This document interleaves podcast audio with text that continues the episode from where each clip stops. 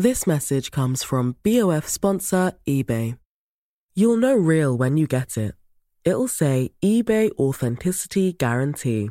And you'll feel it. Maybe it's a head turning handbag, a watch that says it all, jewelry that makes you look like the gem, or sneakers and streetwear so fresh every step feels fly. eBay gets it.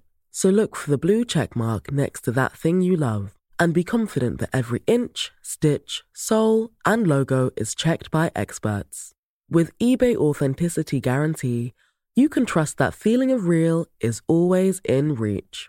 Ensure your next purchase is the real deal. Visit eBay.com for terms. Ja, ja, ja!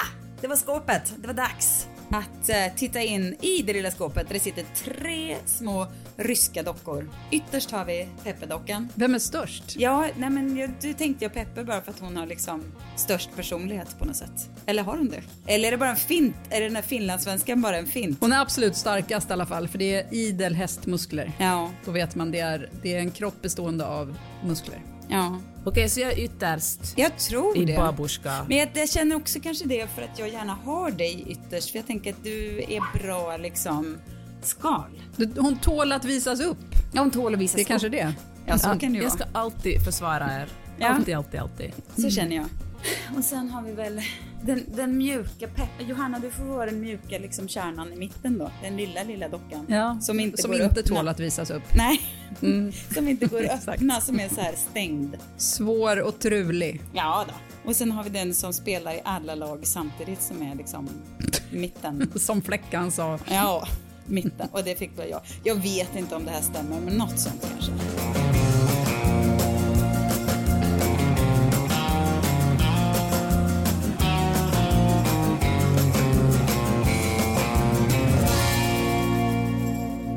Det är lite fuck, marry, kill upplägg på den. eh, Vilken, vilken Lite så. docka. Fast inte lika för, för grown-ups typ.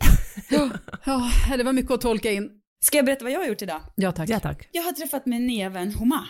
Ja. Och det har jag träffat genom kompis Sverige när jag i, i somras eh, sent ska syndaren vakna. Insåg att eh, här kan väl inte jag sitta och bara undra hur det stå, ligger till med den svenska integrationen egentligen när man är liksom någon slags mittemellan ett vänsterläger på något sätt som har en, verkar ha, liksom, nej, alla är väl ganska överens om att det finns en integration som kanske, alltså inte bara integration utan också en, vad ska vi säga, för det pratade jag med Homa idag, att det finns också en, vad ska vi säga, en, en svensk identitet som inte heller är helt kompatibel med integration. Alltså svenskar är ju inte precis så här öppna famnen, kom till oss, vi har fest, alla, alla är bjudna, utan vi är ju ganska, vi är ju individualister. Och Mm. ja, Gud, nu tänker jag ändå, undrar, finns det något land i världen som tycker så här, gud vad vi är bra på integration? Nej. Det känns som att det är lite grann som bensinpriserna, att alla länder sitter där och liksom muttrar över "Urr, just vårt land, vi har så höga bensin... Alltså, jag undrar, vilka är bäst på integration? Var säger man så här, ja kom hit alla? Alltså jag, jag menar inte att Sverige är bra på något Nej. sätt, jag bara undrar, eftersom man, det finns aldrig liksom goda Exempel. exempel Nej. när det gäller det där. Kan det vara så här att eh, ju bättre generellt folk har det i ett land, alltså desto bättre, mer öppen är man för att eh, Ta emot. det ska komma in annat folk? Men stämmer det verkligen? För att om man tänker då, Finland pl- plockar ju inte in så jättemånga. Har inte finländare ganska Ja, bra? okej. Eh, Norge Okej. har väl det jättebra. De Nej, plockar men- inte heller in så himla många. Okej, okej, vänta, jag backar, jag kommer med en ny analys jättesnabbt här. Okej. Nej men så här, alltså jag tänker på att eh, till exempel östeuropeiska länder som länge levde under eh, någon slags här gammalt Sovjetblock, de är ju extremt skeptiska till att ta in nytt folk. Jag, menar, jag tänker Ungern och, och liksom, men Ungern, Polen och eh, Rumänien, länder som verkligen har haft det, kämpat som fan och ganska nyligen fått sin egen vad det nu är för sorts av, av eh, demokrati, de är ju extremt skeptiska till att ta in folk. Ja. Men jag undrar hur det skulle vara i ett land som är mycket mer som human. Nu kommer jag bli en sån här person som ska ibland när jag snöar in på folk som jag aldrig kan sluta prata om. Nu har hon kanske blivit min nya sån person. Men för vi hade verkligen så sjukt trevligt. Du vet hur man bara träffar en person, man är liksom lite nervös bara, hur ska det gå, vad ska vi prata om? Ja, men vi kan alltid prata om barnen, tänker jag så här, för man kommer från helt olika, hon, kom, hon var från Pakistan. Och vad, vad, vad ska vi ha gemensamt? Nej men så sågs vi liksom tre sekunder in så typ låg vi på golvet och askade. Nej men hon var så kul. Och vi hade så trevligt och liksom allt klaffade. Hon var underbar och det var så trevlig timma vi hade tillsammans. Så nu kommer jag nämna henne jättemånga gånger. Som Huma sa. Kul. Nej men hon sa att i mm. hennes land då så är det ju liksom helt självklart, alltså sitter man ett gäng studenter så, och då plockar man ju inte fram sin egen lilla tallrik utan alla har med sig mat och så delar man och äter och det är liksom så det funkar. Och då tänkte jag också på det, undrar hur det då blir om ett sånt land får liksom invandring. Eh, vad, vad, mm. Hur är det mycket, mycket mysigare att och liksom flytta till Pakistan än för en pakistanier att flytta till Sverige? Och jag förstår också att hon då blir så här, får liksom inte ihop pusslet med svenska riktigt, för ni bara, alla är välkomna hit och sen bara, vad, hur, ni, hur hade ni tänkt sen? Och bara, ja ah, men det är lite precis just det det här valet handlar om till stor del. Och, och det, men det tror jag inte bara är så bristande integration, det är det ju. Men som sagt, vi har ju inte riktigt den vi är ju inte vana vid att vara så här, kom hem till oss, alltså det är ett jättestort steg för en svensk att vara så här, kom hem till oss och fika. Det är inget vi bara gör, säger, mm. ta, så. Så jag försökte förklara med henne och bara säga, åh förlåt att vi är så, men jag tror inte att svenskar är inte dåliga. Och det trodde inte hon heller, hon bara fick liksom inte ihop det riktigt vad vi var för gäng. Mm. Hur länge hade hon varit här? Hon har varit här sedan 2019 och jag har två barn så. Men hon berättade också, hon har liksom dubbla masters och pluggar på universitetet och så. Jag är vissa sådana här saker som är, när folk är så jättesmarta så låtsas man ju lite att man förstår. Så att eh, jag är inte helt säker på att jag, men jag tror att det handlar om system, vad säger man, system, alltså system, vad heter det? Hjälp mig. Ja, men det spelar absolut ingen roll. Nej, jo det gör det. Jag vill nämligen, jo för det gör faktiskt det. För att hon, det spelar roll för att hon, systemutveckling. Alltså hur man löser okay. liksom logistik och hållbarhetskedjor på, i, i olika typer av, på olika typer av arbetsplatser. Hon mm. har sökt liksom så många jobb, alltså lagerjobb får inga jobb för alla bara, nej men din svenska är inte tillräckligt bra. Så nu kastar jag ut där. Är det någon som tror att ni kan behöva en kvinna med dubb, alltså jättesmart obviously kvinna i, eh, som eh, är systemvetare med en liten så här klausul för att jag inte har full koll på hennes CV. Eh, men som kan jättemycket och sugen på att ta sig an lite vad som helst. Så finns eh, den här kvinnan och då kan ni bara höra av er till mig så kommer jag koppla ihop er med henne. Och jag kommer såklart också leta i mitt nätverk efter ett kul jobb till den här underbara kvinnan. Alltså just det där med jobb är tydligen det som är verkligen det viktigaste. Jag redigerar en text på vad vi vet som jag skriver ganska mycket för. Och uh, där, uh, jag menar den texten handlar om hur språkprov och liksom att man jag menar att, att få folk att integrera i ett samhälle är det allra, allra viktigaste att ha ett jobb. För på jobbet där fattar man, lär man sig mycket om kulturen, man lär sig språket och man lär känna folk. Det är liksom, det är helt enkelt bevisligen det bästa sättet yeah. att anställa folk. Vilket man ju fattar, det blir ju rutiner på ett helt annat sätt än om man träffas då och då eller om man liksom, alltså jag fattar ju att allt är liksom, allt, man ska göra allting liksom för att integreras, men liksom det är grunden till bra integration att kunna jobba. Så ja. det också finns någon slags självkänsla i det att kunna tjäna sina egna pengar och känna att jag är här, jag tjänar mina pengar, jag betalar skatt, jag är en på riktigt en del av samhället, jag är inte bara en gäst här. Nej men precis, och det var för man sa också att hon pluggar ju så att hon är egentligen inte sådär, det funkar, hon, hon pluggar och hela hennes familj var så extremt välutbildad och sådär så att hon, det går nog ingen nöd på henne men men hon sa att hon vill bara ha något jobb, vad som helst för att liksom komma in i samhället och få liksom Mm. Bara skaffa kompisar och sitta på en lunch och snacka skit. Det är, bara, det är liksom vad hon vill bara mm. för att ha ett sammanhang. Och ändå är det så här, du vet hon var så här, jag kan, man måste väl inte perfekt svenska för att kunna vara på ett lager eller stapla frukt på ICA men jag får inga jobb. Mm. Och hon var ändå den mest, vet, likable personen man träffat på länge. Vad är felet liksom? Nej men alltså det verkar vara så svårt, men det finns också så mycket svår lagstiftning. Jag träffade tidigare, i, eller i våras träffade jag en kille från Afghanistan som var drygt 20 som hade nej men, tagit sig som tonåring genom jag menar, tagit sig till Europa och till slut landade i Finland. Och där, han var så ung så han hade liksom ingen utbildning ännu, så han lärde sig finska, utbildade sig till uh, sjuksköterska eller sjuk, uh, sjukvårdare. Mm. och äh, fick, äh, fick äh, medborgarskap i Finland och så åkte han tillbaka till Afghanistan när han fick medborgarskap, hade inte varit hemma och träffat sina föräldrar och syskon på fem år. Åkte tillbaka precis för ett år sedan i augusti när talibanerna tog över. Mm. Och då blev det ju liksom kaos. Så han eh, klarade sig ut med tre brorsöner och eh, sattes på ett flyg som tog honom till USA, till Wisconsin, där han och de här brorsönerna då placerades på någon slags militärbas och sen fyra månader senare så skippades de till, eh, eller tog de sig till Seattle för den enda personen som den här Ahmad kände i USA var en person som bodde i Seattle. Och, ehm, men nu, kan han, nu måste han starta ett nytt liv här eftersom hans brorsöner inte får komma till Finland. Och det känns så Finland tycker inte att de är tillräckligt nära släkt med varandra. Ah. Och det känns som att så hopplöst att, att man kommer till ett land, man läser finska, man skaffar sin utbildning, man har ett jobb, ett hem, och skaffar vänner och sen bara slits allting upp igen och, eh, och han måste liksom börja från noll. Alltså det, det är så... Ja, men det är så fruktansvärt frustrerande. Mm. Ja, men ja, man kan ju inte ens börja förstå tror jag faktiskt. Man får bara inse att det är... Man får vara tacksam för att man föddes på den plats där man gjorde. Alltså allt är en slump och... Ja, eller mm. inte. För tänk hur kanske varma, mysiga eh, härliga, öppna, gossiga relationer man haft om man inte var så här, liksom stelaste landet mm. på den här planeten. Jag vill också verkligen, verkligen, verkligen uppmana varenda person som lyssnar på den här podden. Det är också ni som har tipsat om Kompis Sverige. Det finns flera sådana här organisationer. Men att göra det, om, alltså in, delvis för att det är så här, det är väl bra att kunna hjälpa till. Men också för att det är så jäkla härligt att träffa nytt folk som inte är precis som en själv utan som har andra och blir så glad över att man har så mycket, kan ha så mycket gemensamt ändå. Det piggar upp. Jag ska göra det. Det som jag måste säga att jag är rädd för är att jag, jag måste hitta på några samtalsämnen för att jag har insett att jag tycker det är så tråkigt att prata om, om föräldraskap.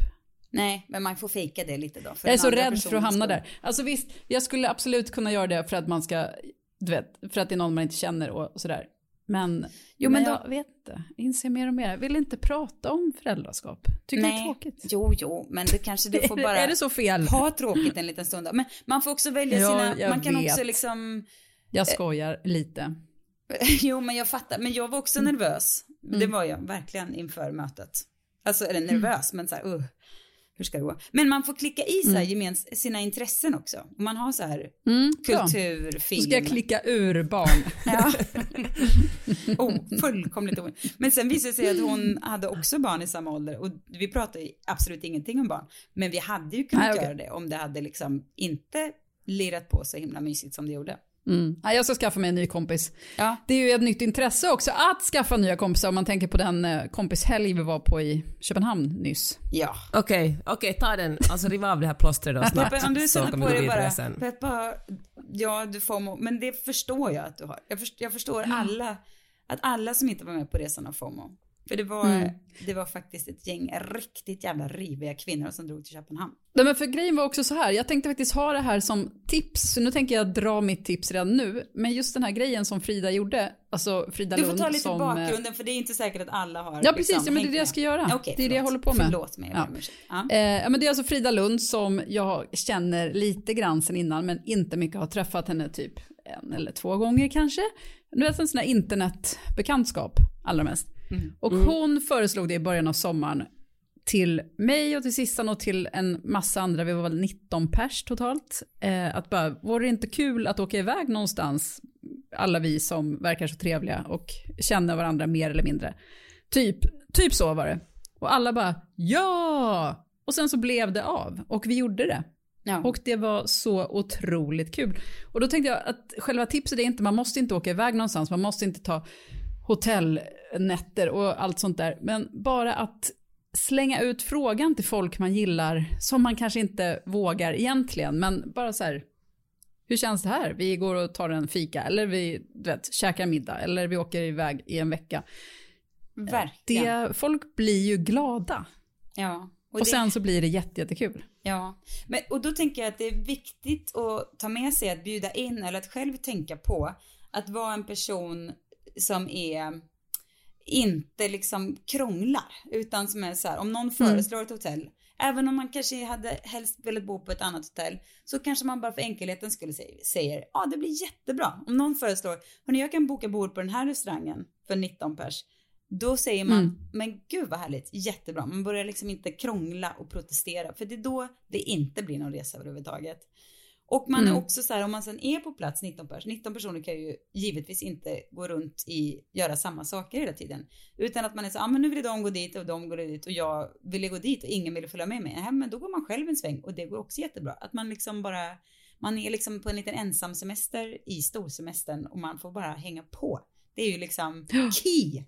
Att, Men var det verkligen så härligt hela tiden? Ja, men det alltså, var det det, 100% faktiskt. härligt från början till slut. Det finns ingen skugga på hela den här eh, helgen. nej det gör faktiskt Nej. inte. Och nu försöker jag verkligen tänka efter. Men alltså vi hade ju till och med polit politiska diskussioner som var trevliga. Alltså som var ganska... Alltså där var folk ganska- inte tyckte samma sak, utan Nej. där folk tyckte helt olika, men som ändå respekterade varandras åsikter mer eller mindre. Nej, men det enda som jag skulle säga var negativt var att det var väldigt mycket regn ena dagen. Så att min, min tanke att jag skulle strosa och kolla på en massa olika saker, den, den la jag bara ner. Men då Ja. blev det mysigt istället. Då satt man och snackade liksom i lobbyn istället. Och det var också härligt. Jag är så positivt inställd till detta. Ja.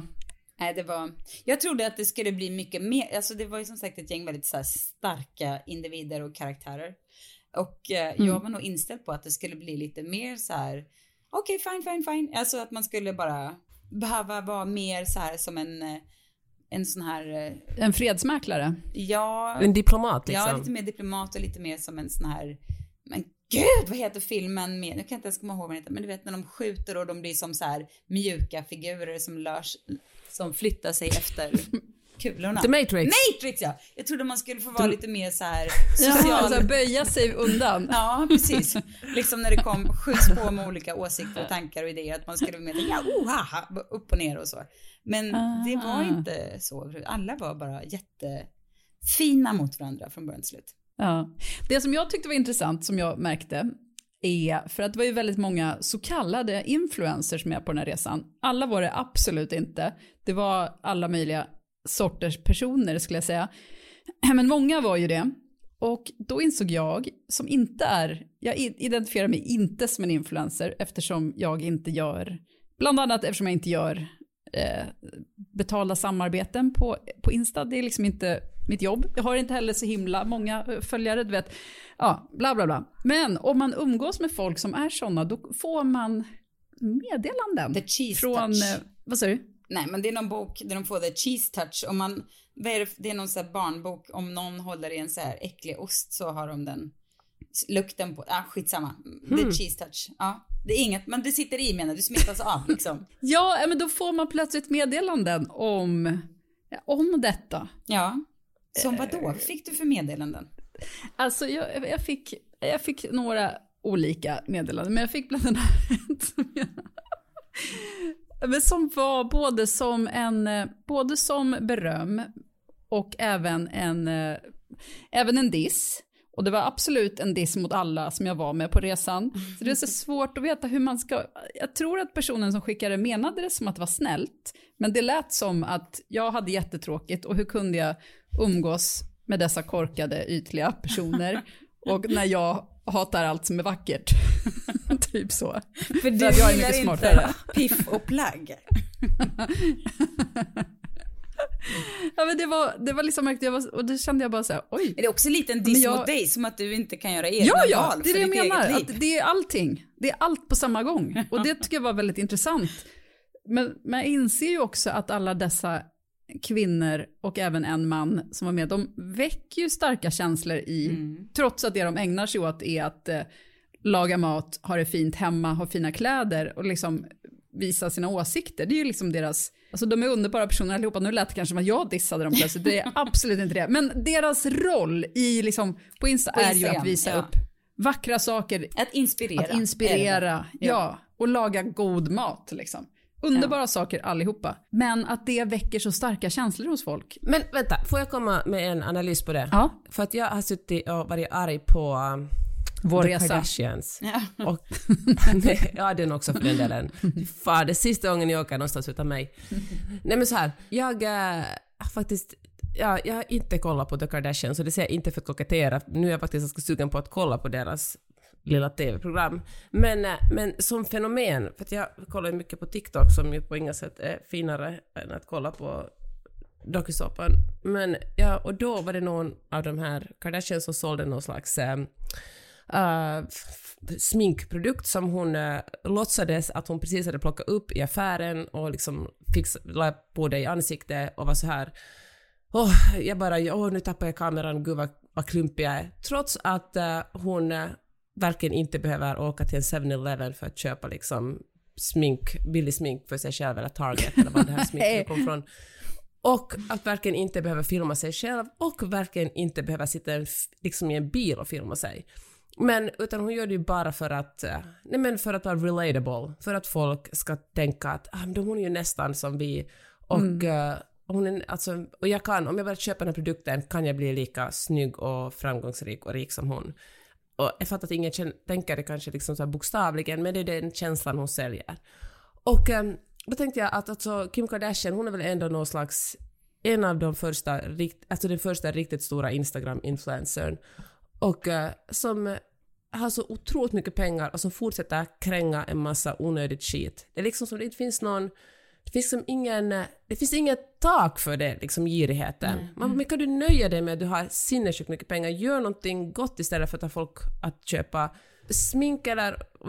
Alltså det, ja, det provocerar mig något så otroligt. Och jag tänker, och nu säger jag verkligen inte att den här är, är, är ett Köpenhamn-gäng är Kardashians, men jag tror att den ilska som folk känner gentemot influencers är att man på något sätt eh, blandar ihop det här. Man tänker att liksom Kardashians jättestora girighet och andra superstora jätte, jätterika människors girighet som säljer en dröm som inte existerar för vanliga människor men de försöker bli på något sätt relatable så att man kan identifiera sig med dem och att det bara är ljug för att tjäna mer pengar, att det på något sätt speglar sig på också mycket Jo, mindre Absolut, det är ju klart. Men det är ju också så här att, jag menar, det är så lätt att avfölja om man ogillar det.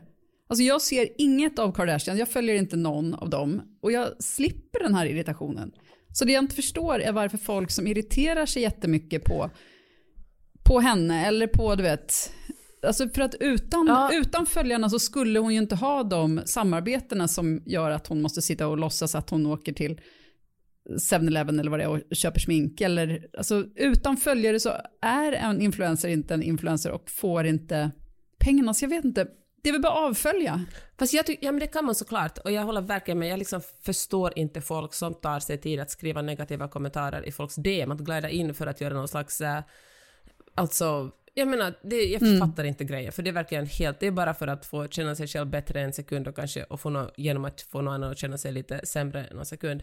Men jag tänker ändå att äh, det kanske ändå, jag tycker det är jätteviktigt att man pratar om det här. Alltså för att äh, vi har, alla är upptagna, vi håller på med, håller på med, vi ser liksom jättemånga jättevackra människor som verkar lyckade och lyckliga, sälja grejer och jag tror att det finns någon slags primitiv instinkt inom oss är att om jag bara har det här plagget eller den här läppstiftet då kommer jag att vara lika lycklig och vacker och rik som den här personen trots att om vi skulle stanna upp och, och fundera på vänta lite, är det här verkligen sant? Då skulle vi förstås fatta att det inte är så.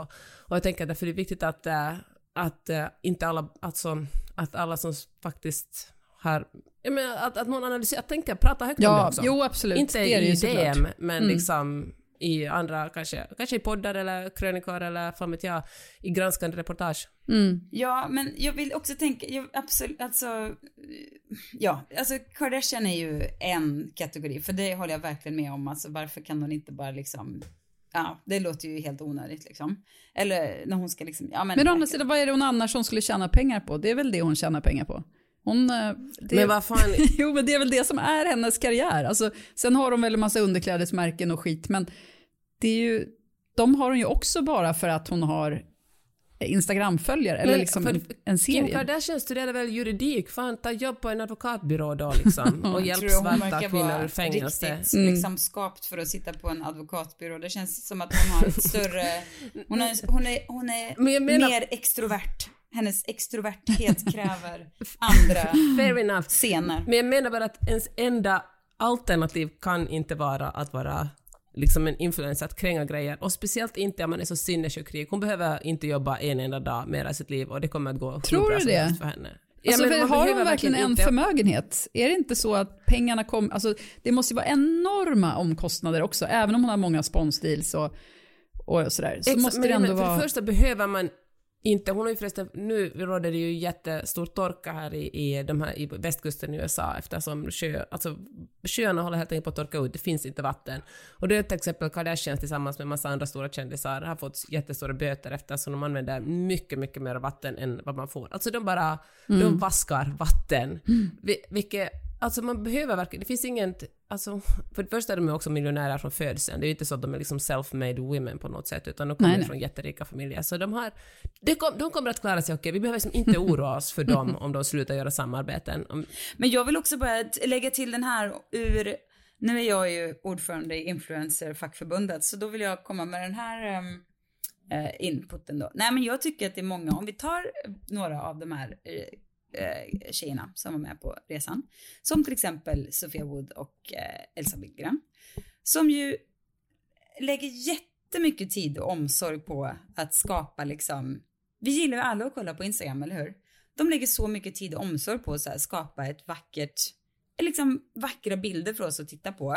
Inspirerande recept. De kanske kommer med någon så här kan man också, det kan man ju tycka är liksom, ja det kanske inte är liksom något för alla, vad vet jag, men det är ändå någon, det är liksom ett trevligt inslag i livet. Och då tycker jag att det, om de sen då gör samarbeten eh, för att faktiskt få betalt för det här jobbet de lägger ner, då tycker jag att det är väl eh, alltså någonting kanske de som följare borde också uppmuntra, eller inte uppmuntra, men visa liksom på något sätt, det blir sån envägs, det är så här, de här influencerna har man liksom någon slags rättighet till och de ska leverera bra material, men så fort de faktiskt vill ha lite betalt för tiden de lägger ner och det är någon slags underhållning, det är som det är väl som magasin. De, det är väl inte någon som säljer, mm, jag menar, veckor och vin, jag kunde inte komma på någon magasin gratis heller. Nej, Nej. alltså jag, nej men jag, jag håller verkligen med. Jag tycker att folk ska verkligen få, folk som gör content, alltså, som gör ett vidrigt ord, men ska ju verkligen få betalt för det. Sen önskar jag ju såklart att folk, att det fanns ett sätt att folk betalar det direkt till producenten istället för att det ska gå via liksom en massa, ja men via liksom eh, företag. Utan drömmen vore ju att eh, man var sådär, Elsa Billgren, jag älskar ditt innehåll, jag betalar, vad vet jag, fem dollar i månaden för att följa dig. Ja, för det tycker gör jag också så vore det absolut bästa. Till exempel med den här podden. Vore väl det. Alltså jag Ja. älskar att våra samarbeten. Vi har ju liksom varit jättekräsna också och eh, med, Mhm. alltså vi har ju verkligen bara jobbat med företag vi gillar så det går ju jättebra. Men om vi, jag menar tänk om det skulle kunna vara så att alla som lyssnar, det kostar en krona att lyssna. Ja, då vore det inga problem i världen. Mm. Men ehm, Och samtidigt, då skulle det bli, kan man inte tänka sig att om det vore så, för då skulle ju ändå lyssnaren eller tittaren eller vad det blir äga en ännu mer. Då skulle Ja, de ja. plötsligt ha rätt att komma med åsikter för att jag betalar för det här så att eh, då menar, du menar i nuläget så kan man åtminstone säga nej, det, är inget, det här är gratis, du kan bara stänga av. kvalitetskrav kanske de skulle Nej, Ja, men då kan man ju säga sluta betala då. Sluta betala om du inte gillar det. Ja. Alltså, men alltså jag, jag menar inte, jag vill bara säga att jag liksom inte är så kategoriskt emot att folk gör samarbete. Jag tycker bara att det finns en viss uh, girighet ibland i det. Och det finns, eh, och det finns ju jättebra, alltså jag tycker att alla, att man granskar sig själv och, och eh, jag gör också, inte så ofta för att Mm. jag är inte så stor influencer, men jag gör också samarbete ibland. Men jag tycker att man ska, ja, ja, ja min, i min drömvärld så då prenumererar alla på det de gillar. Ja. Men jag tycker ju inte att de som irriterar sig på influencers, alltid, det handlar inte alltid om samarbetena. Det vet ju alla vid det här Nej, laget gud, att nej. det, det här händer. Och menar, då menar jag influencers på liksom våran svenska nivå, inte Kim Kardashian för att hon flyger liksom på en annan nivå. Men Mm. att det är så mycket annat som folk irriterar sig på. Att man bara tycker, okej men om du tycker att hon skriver illa, varför slutar du inte bara läsa hennes texter? Eller du vet, Mm. att sånt där, att bara, ja men lite grann som det här klassiska, stänga av tvn då. Man, ja, men det är väl att man har byggt någon Mm. slags relation och då tycker man att man har rätt att... Och, Mm. Ja, för jag fick också det här meddelandet eh, som så här... Eh, glöm inte att ni inte är personer, ni är influencers under den här Köpenhamnsresan. Va? Då var, det var, jag kommer inte ens ihåg samman, men det var någonting som hade taggats fel eller taggats för mycket eller taggats för, ja vad det nu var. Något hotell eller restaurang eller vad det var. Och då man säger, ja, ni, du vet, så här, ni kan inte bara hålla på och tagga saker. Glöm inte, ni är inte personer, ni, ni är influencers. Bara, fast det är ju det som är det knäppa med branschen, att det är ju precis eh, personer man är. Men som, det är väl inte konstigare än att marknadsföring och så. Alltså nu var inte här marknadsföring, alltså det här, jag menar, tagga ett hotell, ja. Det hade inget med det att göra, men det var ändå liksom, ja, en, en kommentar ur, lösryckt kommentar. Glöm Mm. inte att ni är inte personer. Ni är inte, ja, så det, eh, det ska jag visst glömma, för alla på den här resan var definitivt personer. Mm. Underbara personer. Ja, precis. En diskussion som vi hade under den här Köpenhamnsresan som jag tyckte var så spännande som jag tänkt på mycket. Det var att vi diskuterade Sanna Marin igen, dansande, Mm. dök upp. Och då var det en person i sällskapet som var så här, ja men jag tycker hon kunde liksom, man får liksom vara lite mer statsmannamässig om man ska vara statsminister. Det får, annars så blir det bekymmer, tyckte hon. Och då var ju diskussionen i full gång såklart, men på ett väldigt härligt och fint sätt. Det var verkligen inte sura minnen någonstans. Och då sa Britta Zackari, tror jag det var, tog upp det här. Eh, men vad konstigt det är att det alltid är rätt och riktigt och korrekt som premieras och aldrig det här liksom de här gränsförflyttarna som gör saker på lite nya sätt och så. Det är som att det är alltså, är man duktig så gör man saker korrekt. Det är, man kan ju, det är ju verkligen Mm. ett perspektiv man helt kan vända på. Man kan ju säga så här, är man en som står still, då gör man saker korrekt. Är man en som vill se förändring, då, då flyttar man på gränser. Då blir det kanske lite obekvämt för andra ibland. Men eh, då är det de som är tråkiga. Mm. Jag kanske känner så för att jag så relaterar till och så gärna vill vara Sanna Marin personen den dag jag blir statsminister. Ska, kommer jag inte bli. Men ni förstår om jag rent... Ja, jag fattar precis. Men jag håller Verkligen. verkligen med. Att det finns ju, det är ju, men det är kanske också när man hör om företag eller jättelyckade personer, då hör man ju bara om hur de lyckades. Det, trots att om man liksom stannar upp och funderar, då fattar man ju att det antagligen har skett jättemånga krascher och misslyckanden på vägen dit. Ja. Och det är ju inte det som är mycket intressantare, för som du säger sist, och det Britta som sa det, att, eh, att det är ju eh, det, är ju det som är gräns, det är då man liksom kommer vidare framåt. Om man alltid håller sig inom det som just nu anses vara det korrekta, Ja. då, finns det, då blir det ju aldrig en gränsförflyttning, Nej. utan då, ja, men då stampar man ju på Då, stället. då händer Och, eh, ingenting. men det är ju läskigt att vara den som bryter sig loss eller gör någonting utanför det vanliga. Ja, men jag, jag tycker att många fler borde vara det. Alltså det borde vara, ja men bo, många fler borde testa att vara det. Det kan ju vara, man kan ju börja öva sig i sin egen hemma. Eller jag vet inte vad man, om man tycker att det men jag, jag tror att det Ja, finns så mycket. För vet du vad? Det är så fruktansvärt osexigt med ängslighet. Och nu menar jag inte sexighet som är liksom sexsex, utan bara det är någonting som, alltså ängslighet är ingen jättebra egenskap. Det är sällan charmigt, nej. Och det är väl det, sen kan jag tycka att Sanna Marin, alltså hon har ju verkligen, hennes dans har ju gått världen runt flera gånger och liksom Hillary Clinton och AOC här i, i USA båda hy- hyllar henne. Hon har ju bara fått en massa Ja, makt ja.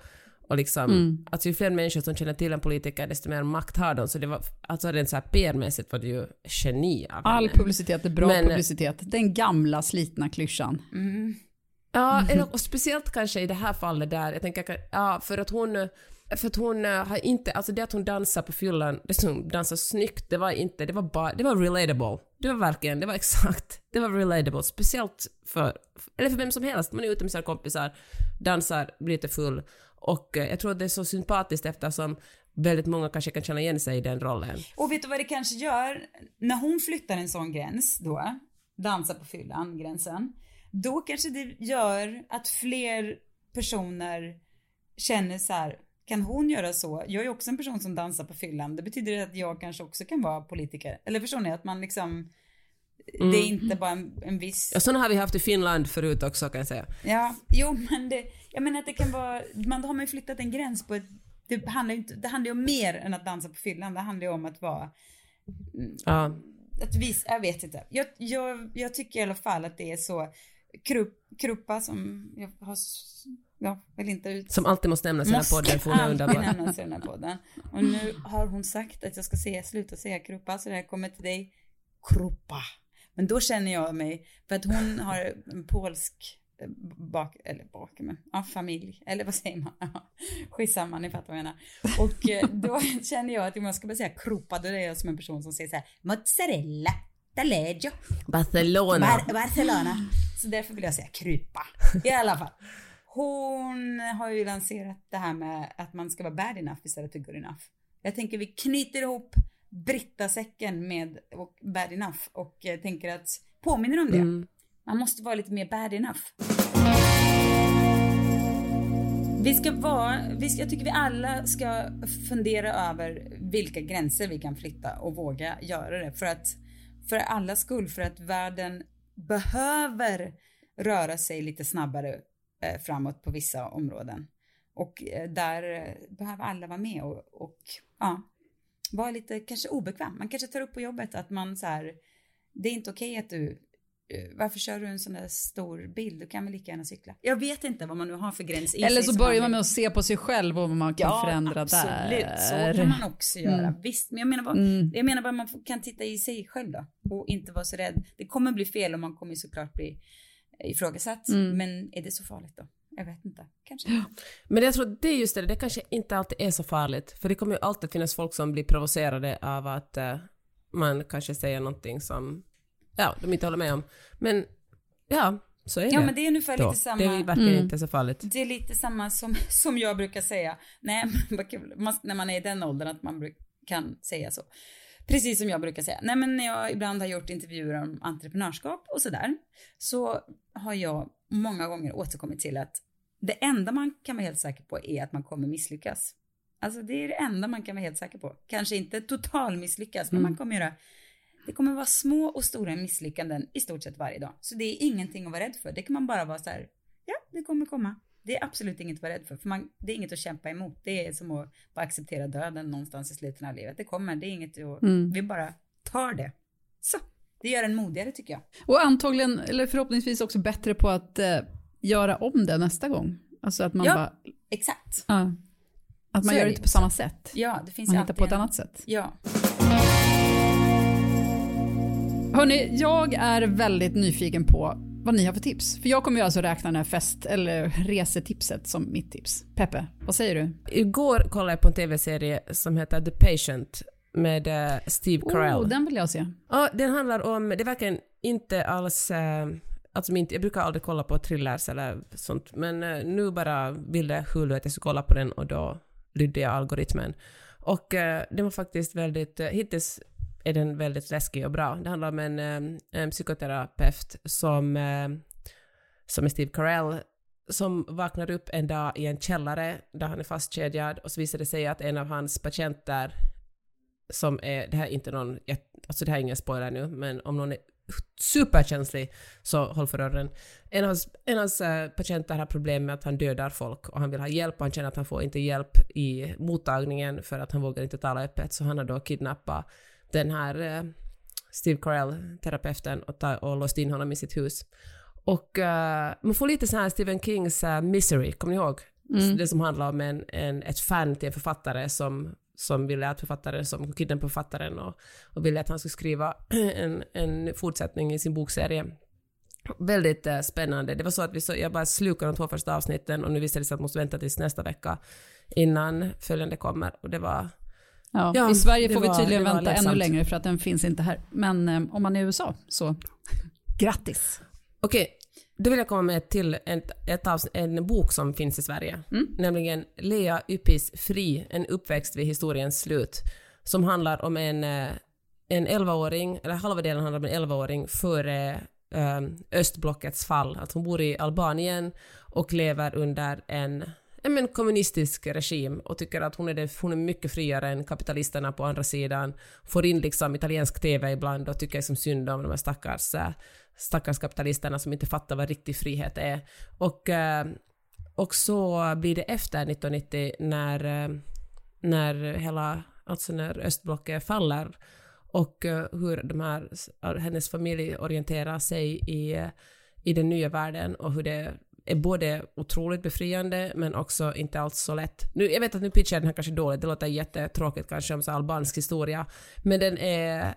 Ah, fy fasiken vad bra den är. Jag älskar att man får läsa en bok som är både Alltså man läser den vidare för att man tycker att den är så bra skriven, för att det är så bra historia, och sen i smyg får man en massa allmänbildning och liksom aha-upplevelser om hur det såg ut i, då till exempel Albanien på 80 och 90-talet. Så bra. Spännande. Det, sånt där, det tycker mm. jag är det bästa med serier och böcker, när man får liksom kliva in i världar som är väldigt långt från de man själv har levt i, helst. Mm. Mm. Jag vill, dels så måste jag tipsa om, eh, ja, det är väl ingen som har missat den här låten. Men jag vill att ni ska göra som jag och ha Tove Los to Die, uh, to die For på repeat. För det är en sån jävla partyrökare alltså partyrökare, vad är det tantigaste ordet jag någonsin har sagt. men, men, det är det. Jag känner att det är min sån pepplåt. Jag känner liksom festen i mig vart jag än är när jag hör den låten. På ett bra, alltså du vet att man bara, oh, det blir liksom, man känner sig lite flörtig och härlig helt plötsligt. Ja, den. Och nu till en annan tips som är något helt annat. Eh, Sveriges Radio har en miniserie som heter Det delade Borlänge, som är liksom djupdyker in i så här misslyckad integration. Eller du vet, det är en tjej som heter Shugri som är i första delen. Jag tror att det kommer fler delar. Hon är född i Sverige i en somalisk familj och har liksom vuxit, när hon var liten så var den stadsdelen hon bor i, det var liksom blandat. Det var eh, liksom etniskt svenska och andra. Men sen har det då med tiden bara blivit, så nu är det liksom, jag har jättemycket somalier och så som bor där och hon pratar i skolan, pratade bara somaliska och pratade, hon umgås bra med somalier och sådär. Och då diskuterar de hur eh, det kan ha blivit så här och det är väldigt så här mm, intressant och det är fint och reporten ställer väldigt så här raka frågor så här du vet, skulle det komma från en SD-person skulle det låta så här, gud vad okänsligt. Men i, i i sitt sammanhang känns det bara som så här sådana frågor som man kanske många funderar på, för det skuldbelägger ingen, utan det är mer bara ett ärligt liksom letande efter um, hur det kan vara i delar av Sverige som kanske många av oss inte, eller där vi, där det är liksom vattentäta skott mellan eh, ja, medelklass-svensken och ett liksom somaliskt samhälle i Borlänge till exempel. Ja, väldigt, väldigt intressant och fint mm. också. Och jag tycker också att det är så viktigt, för jag tänker att det är så, så ofta tror jag liksom de som röstar på SD, tror jag ofta tror att det bara är de som funderar på det här. Och att, och mm. integration och vad som inte funkar och så. Medans, och att alla andra liksom som inte röstar på SD bara är så här liksom godhetsknarkare och tror att det blir jättebra bara alla ska vara snälla och så. Men så är det ju inte. Alla tänker på samma frågor, det är bara det hur man löser det som är skillnaden. Och där vissa mm. kanske mer vill ha lite självinsikt och självkritik medan andra lägger skulden på, tror att det är de som kom hit som är felet. Men det är det såklart inte. Mm.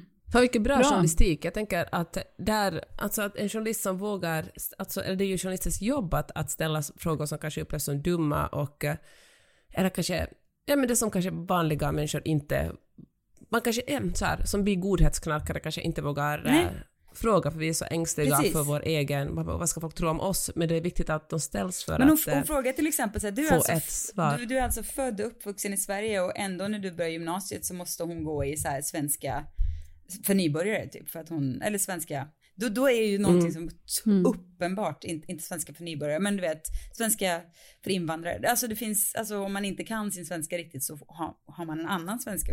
Och då tänker man att en person som har bott i Sverige ett helt liv, det är ju så mycket från, från Sveriges håll som har gått så, så, så, så fel och skolan och sådär. Men det är ändå liksom, det var så härligt att bara ställa den frågan, för det var ju vad man satt någonstans och kände så bara, hur har det kunnat bli så här den här tjejen. Mm. Hur har det kunnat? Mm. Men det var inget, hon var så här, det var inget ovanligt med det. Men det är det jag menar, man, man lever liksom, ja det var en väldigt, det var en, det delade Borlänge. Sveriges Radio, jättebra. Kul, ska jag lyssna? Ja, får du göra. Hörni, då hörs vi igen nästa vecka hoppas jag. Ja, det gör vi. Vi får se om ja. vi lever. Hoppas man. Tack för att ni lyssnade. Kom ihåg att prenumerera på den här podden och tipsa era vänner. Det är så viktigt att ni gör det för att uh, Ja, för då blir vi glada. Ja. Det är viktigt för Gör oss till då blir vi influencers. glada. Jag skojar. Motiveringar. va? Och om vi inte är glada, ja, då, får ni, då lär, får ni märka Då. hur Då det är det blir för er ni då. som får smärtan. Ja. Ja, mycket bra. Vi hörs hörni. Hej, Bra. hej Ja. Hej då. Hej då.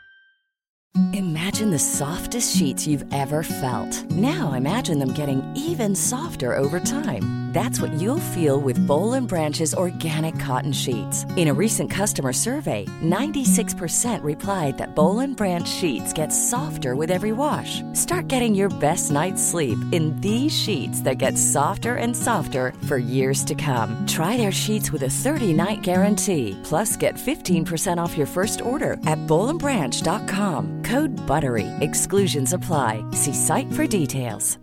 This message comes from BOF sponsor eBay. You'll know real when you get it. It'll say eBay Authenticity Guarantee. And you'll feel it.